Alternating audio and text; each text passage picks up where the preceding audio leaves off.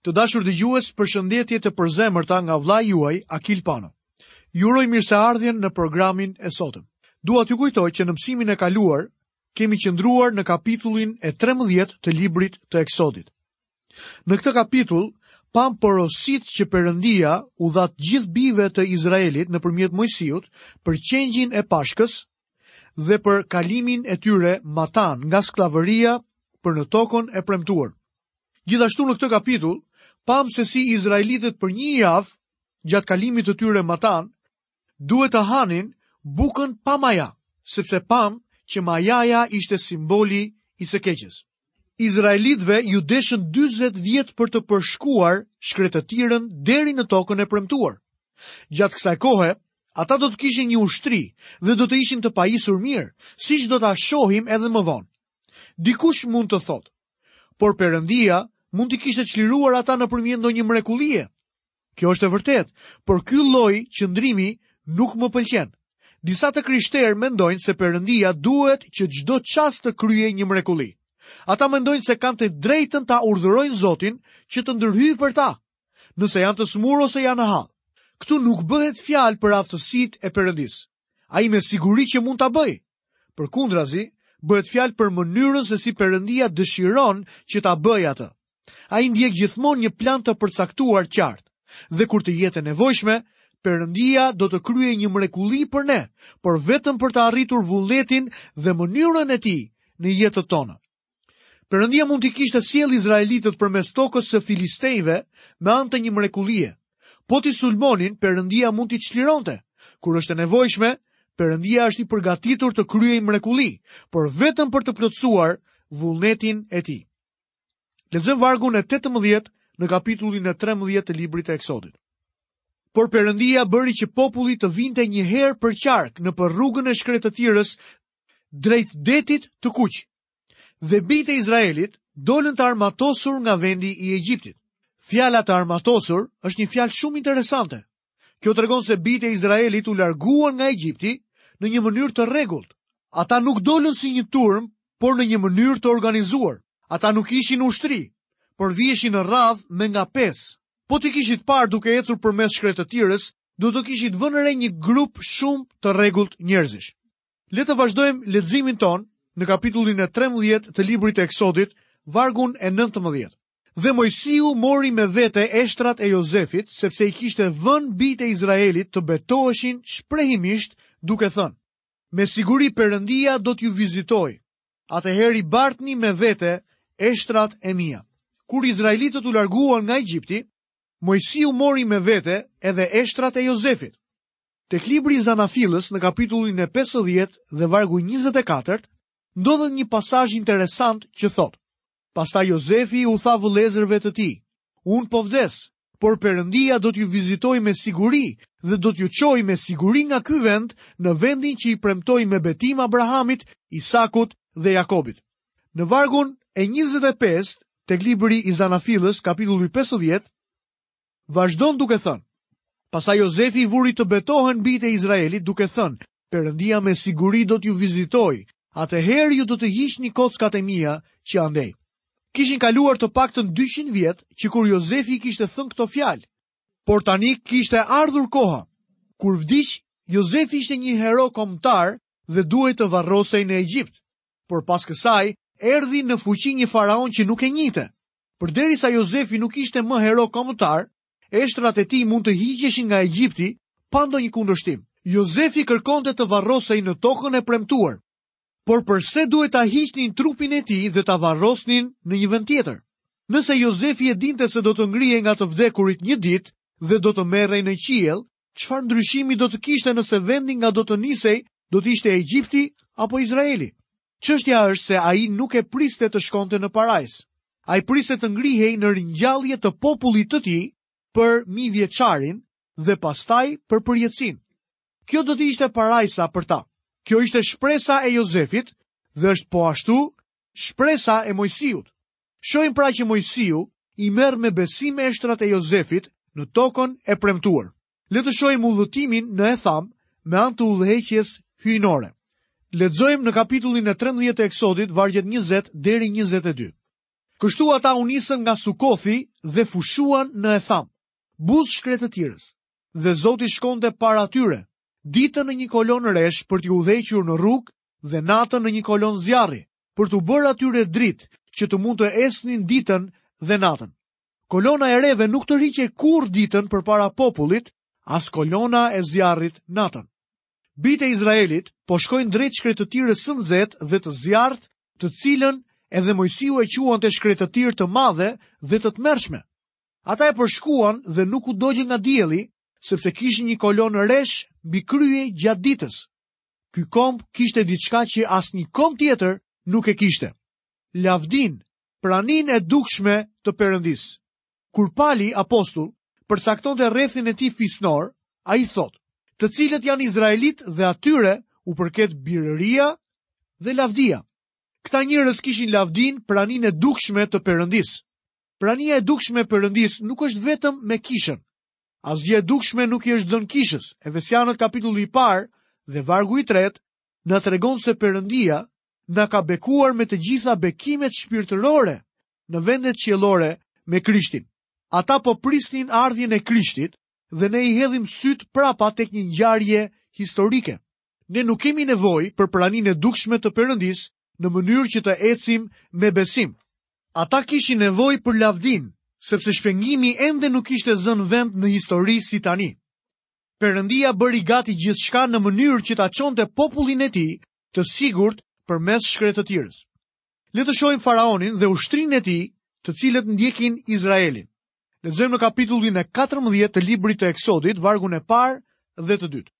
Pastaj Zoti i foli Moisiut duke i thënë: U thuaj bijve të Izraelit të kthehen prapa dhe të vendosin kampin e tyre përballë Pi Hahirothit, midis Migdolit dhe detit, përballë Bal Cefonit, Vendosni kampin tuaj përpara këtij vendi pranë detit.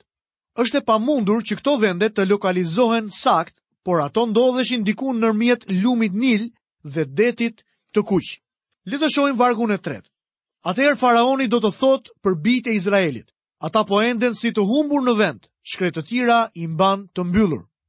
Faraoni ka dërguar spiunë për të vëzhguar lëvizjet e bijve të Izraelit. Lëvizja e ndoshta dy milionë e gjysmë njerëzish do të ishte e vështirë të fshihej. Faraoni pret që izraelitët të ngjiten në rrugën bregdetare përmes vendit të filistejve.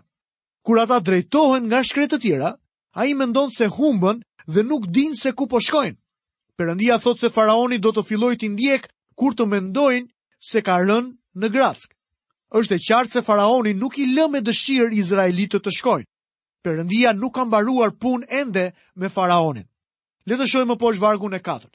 Dhe unë do ta ngurtësoj zemrën e faraonit dhe ai do t'i ndjekë ata, por unë do të siguroj lavdi nga faraoni dhe nga gjithë ushtria e tij, dhe egjiptasit do të mësojnë që unë jam Zoti, dhe ata ashtu vepruan. Ju mund të mendoni se egjiptianët kanë patur mjaft fatkeqësi, por do të ndodhë diçka akoma më e rëndë që do t'i bëjë përfundimisht të bien. Lexojmë vargun e 5 deri në vargun e 7. Pastaj iu njoftua mbretit të Egjiptit që populli kishte ikur dhe zemra e faraonit dhe shërbëtorëve të tij ndryshoi kundrejt popullit dhe ata thanë: Ç'bëmë që e lamë Izraelin të ikë nga shërbimi ynë? Kështu faraoni bëri që të përgatitej qerrja e tij dhe mori me vete popullin e tij. mori dhe gjashtëqind qerre të zgjedhura dhe tërë qerret e Egjiptit me luftëtarë në secilin prej tyre. Ushtria e Egjiptit lëviz kundër bijve të Izraelit me 600 qerre. Mund ta imagjinoni se çfarë mund t'i shkaktojë ky numër qerresh një populli të varfër, të pambrojtur dhe pa ndihmë, veçanërisht grave, fëmijëve dhe bagëtive. Ata mund të bënin kërdinë tek izraelitët. Lexojmë më poshtë në vargjet 8 deri në vargun e 10. Dhe Zoti e ngurtësoi zemrën e faraonit, mbretit të Egjiptit, dhe ai i ndoqi bijtë e Izraelit që dilnin plot trimëri. Egjiptasit i ndoqën dhe tërë kuajt, qerret e faraonit, kalorësit e tij dhe ushtria e tij i arritën kur kishin fushuar pranë detit në afërsi të Pi-Hahirothit përballë Baal-Tsefonit. Ndërsa faraoni po afrohej, bijtë e Izraelit ngritën sytë dhe ja, egjiptasit marshonin prapa tyre. Prandaj patën shumë frikë dhe bijtë e Izraelit i klithën Zotit. Para izraelitëve është Deti i Kuq dhe mbrapa tyre ushtritë e Egjiptit. Këta njerëz të mjerë e të pambrojtur kanë ngelur midis djallit dhe detit të thellë blu. Nga një pikëpamje e qartë, Izraelitët ndodhen në një vend fare të papërshtatshëm. Lexojmë vargun e 11.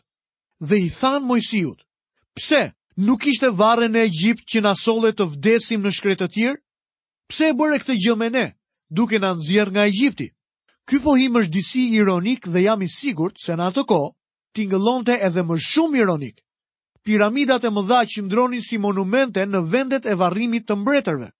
Mumjet gjendeshin ngado në Egjipt dhe ishte një vend i mirë për t'u varrosur. Bijtë e Izraelit thonin, A na solle në shkretëtirë për të vdekur, se nuk ishte vend që ne të varroseshim në Egjipt? Izraelitët janë të sigurt se do të vriteshin dhe do të vdisnin në shkretëtirë. Lexojmë vargun e 12. A nuk ishte vallë kjo për të cilën të flisnim në Egjipt? Duke të thënë, Na lër rahat. Kështu do të mund t'u shërbejmë egjiptasve, sepse për ne do të qe më mirë t'u shërbenim egjiptasve sesa të vdisnim në shkretëtirë. Kur ishin në vendin e Egjiptit, izraelitët thërisnin për çlirim. Perëndia u asiguroi atyre mundësinë për t'u larguar, por në çastin që iu afrua rreziku, ata kërkonin të ktheheshin prapë mbrapsht. Tani vini re se çfarë do të bëjë Perëndia për popullin e tij. Ata janë të pashpresë dhe pa asnjë ndihmë nga ana e Perëndisë. Nëse duhej të shpengoheshin, Perëndisë do t'i duhej ta bëjë këtë gjë. Do të dëshiroja që ta kapnim këtë pikëpamje objektive për veten tonë sot, sepse ne jemi si izraelitët. Po të mund të shkonim me astronautët në hënë dhe të shihnim tokën tonë të vogël, do të shihnim njerëzit të humbur në mëkat. Në të vërtetë, Bota jonë është një vend shumë i pashpresë, një varrezë e madhe. Shikoni se çfarë thotë apostulli Pal tek letra drejtuar Romakëve kapitulli 5 dhe vargu i 12.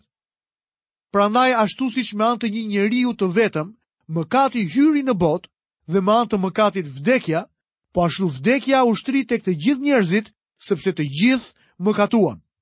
Njerëzit kanë qenë duke marshuar për më tepër se 5000 vjet. Për ku po marshonin? Për në varr. Nuk është e këndshme, por është e vërtetë. Njeriu është dështimi më i madh në universin e Perëndisë. Le të shohim fitoren e Perëndisë mbi Egjiptin. Hidhni sytë mbi bijtë e Izraelit. Nëse Perëndia nuk ndërhyn për ta, ata janë të humbur.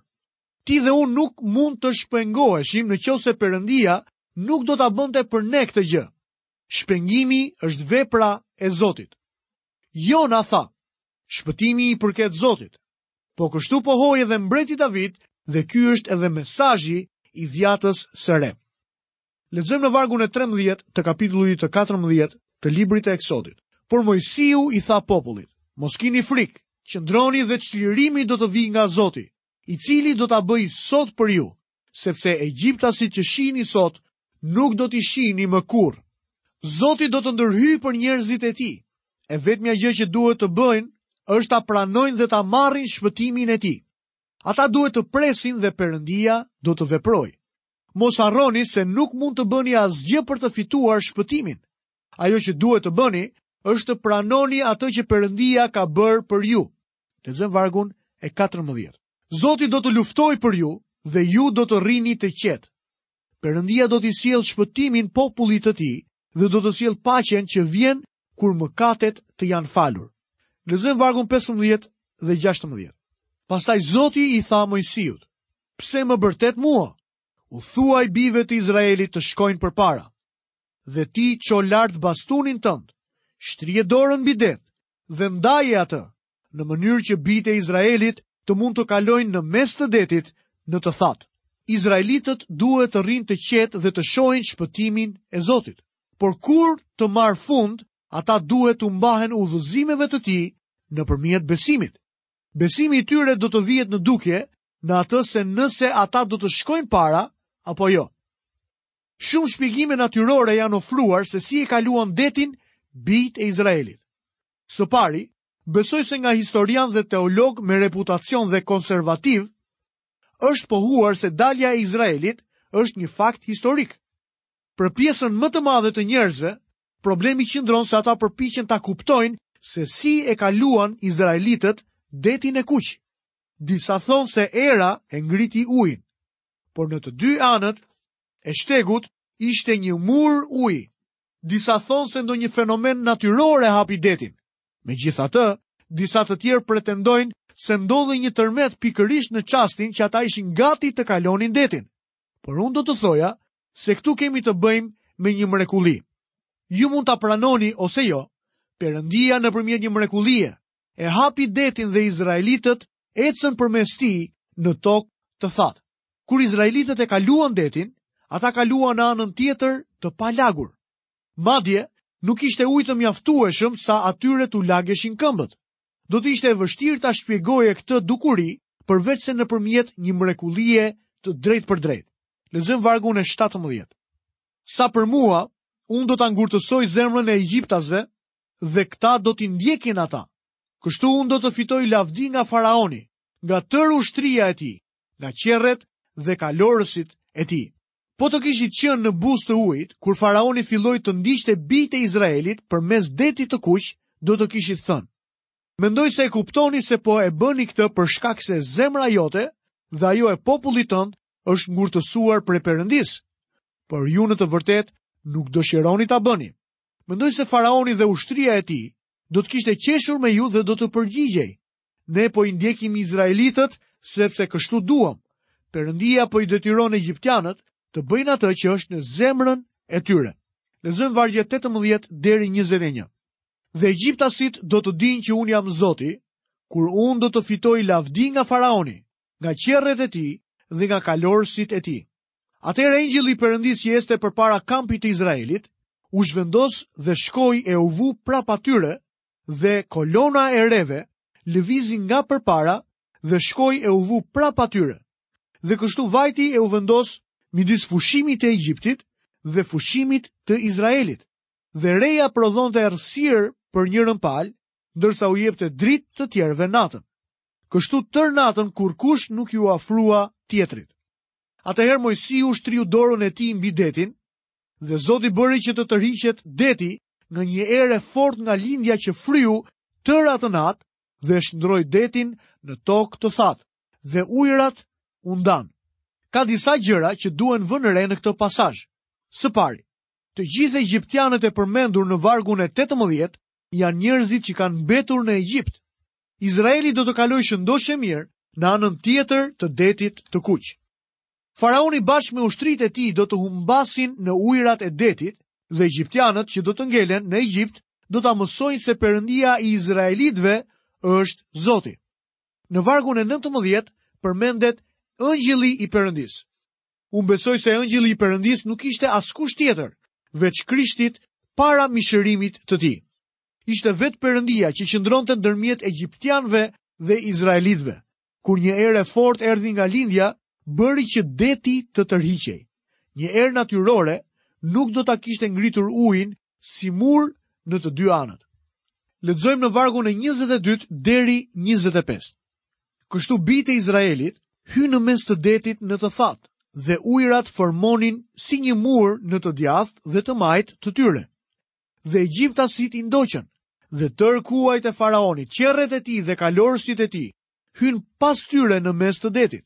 Aty nga agimi i mëngjesit, ndodhi që Zoti i hodhi sytë në kampin e egjiptasve, nga kolona e zjarrit dhe nga reja, dhe i dha dërmën. Ai bëri të shkëputen rrotat e qerreve të tyre dhe i bëri të vështirë përparimin e tyre. Kështu egjiptasit thanë, t'ia mbathim para Izraelit sepse Zoti lufton bashkë me ta kundër egjiptasve. Ndërsa Perëndia punonte për planin e çlirimit të popullit të tij, edhe një herë shohim se ai vepronte nëpërmes kolonës së zjarrit dhe resë, të cilat besoj se përfaqësojnë frymën e shenjtë. Ata udhëhiqeshin ashtu siç fëmijët e Perëndisë duhet të udhëhiqen sot nga fryma e Perëndisë. Egjiptasve u bëhet e qartë se ajo që po u ndodh atyre sigurisht që është supernatyrore. Ata kërkojnë të tërhiqen dhe t'u shpëtojnë forcave që janë ngritur kundra tyre. Lexojmë më poshtë vargjet 26 deri 28. Pastaj Zoti i tha Moisiut: Shtrije dorën tënde mbi detin, me qëllim që ujërat e tij të kthehen mbi egjiptasit, mbi qerret dhe kalorësit e tyre. Atëherë Moisiu shtriu dorën e tij mbi detin, kështu në të gdhirë, deti u kthye në vendin e tij të zakonshëm. Egjiptasit ikën para tij dhe Zoti i përlau egjiptasit në mes të detit. Ujërat u kthyen dhe mbuluan qerret, kalorësit dhe tërë ushtrinë e faraonit që kishin hyrë në det për të ndjekur izraelitët. Dhe nuk shpëtoi asnjë prej tyre. Kjo e dhënë duhet të vëzhgohet më nga afër sepse është një mrekulli. Nuk ka ndonjë mënyrë natyrore për të shpjeguar se çfarë ndodhi. Shumë konservativë, edhe pse besojnë në fjalën e Perëndisë dhe janë shpëtuar vetëm nga besimi në Krishtin, përpiqen që ta shpjegojnë kalimin e Detit të Kuq në ndonjë mënyrë natyrore. Por kur e lexon këtë histori, është e pamundur që ta shpjegosh atë në mënyrë të natyrshme. Perëndia thotë se është një mrekulli. Pranojeni ose jo. Të dashur dëgjues, këtu kemi mbërritur dhe në fundin e programit të sotëm. Dua t'ju kujtoj që mësimin e sotëm do ta vazhdojmë në programin e ardhshëm. Ju lutem që të qëndroni së bashku me mua në programin e ardhshëm për të vazhduar pjesën tjetër të mësimit të sotëm. Deri atëherë, nga unë vëllai juaj Akil Pano, keni të gjitha bekimet e Perëndisë dhe paqen e tij në jetën tuaj.